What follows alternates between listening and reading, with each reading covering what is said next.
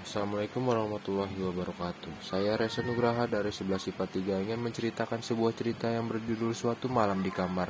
Selamat menikmati. Jadi gue malam-malam lagi teleponan bareng temen gue yang bernama Via. Waktu itu gue teleponan jam 11 malam. Saking asiknya bergibah gue sampai lupa waktu. Terus gue langsung ingat mata kuliah besok Gue langsung aja pengen tidur. Setelah gue meremin mata gue mencium bau pandan yang menyeruak hebat di dalam kamar gue karena sudah saking ngantuknya gue males banget ngebuka mata.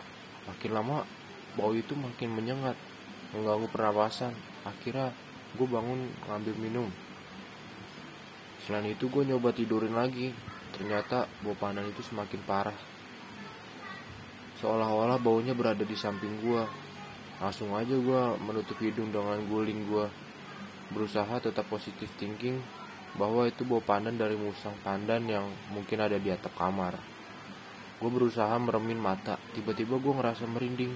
Pikiran mulai takut nggak tenang dan juga ada hawa dingin yang menusuk leher gue setelah itu selimut gue ditarik paksa sama makhluk halus dan gue melihat sosok tinggi seperti guling yang tersenyum lebar mata bolong dengan wajah yang berdarah, bernanah, dan bat batu serta belatung di mana-mana.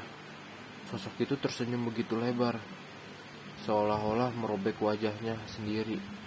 Gue yakin, gue saat itu pisah setelah sosok itu mengucapkan kalimat yang gak pernah gue denger. Kalimatnya, aku nungguin dari tadi loh, kita kan mau jalan. Terima kasih telah mendengarkan cerita gue. Wassalamualaikum warahmatullahi wabarakatuh.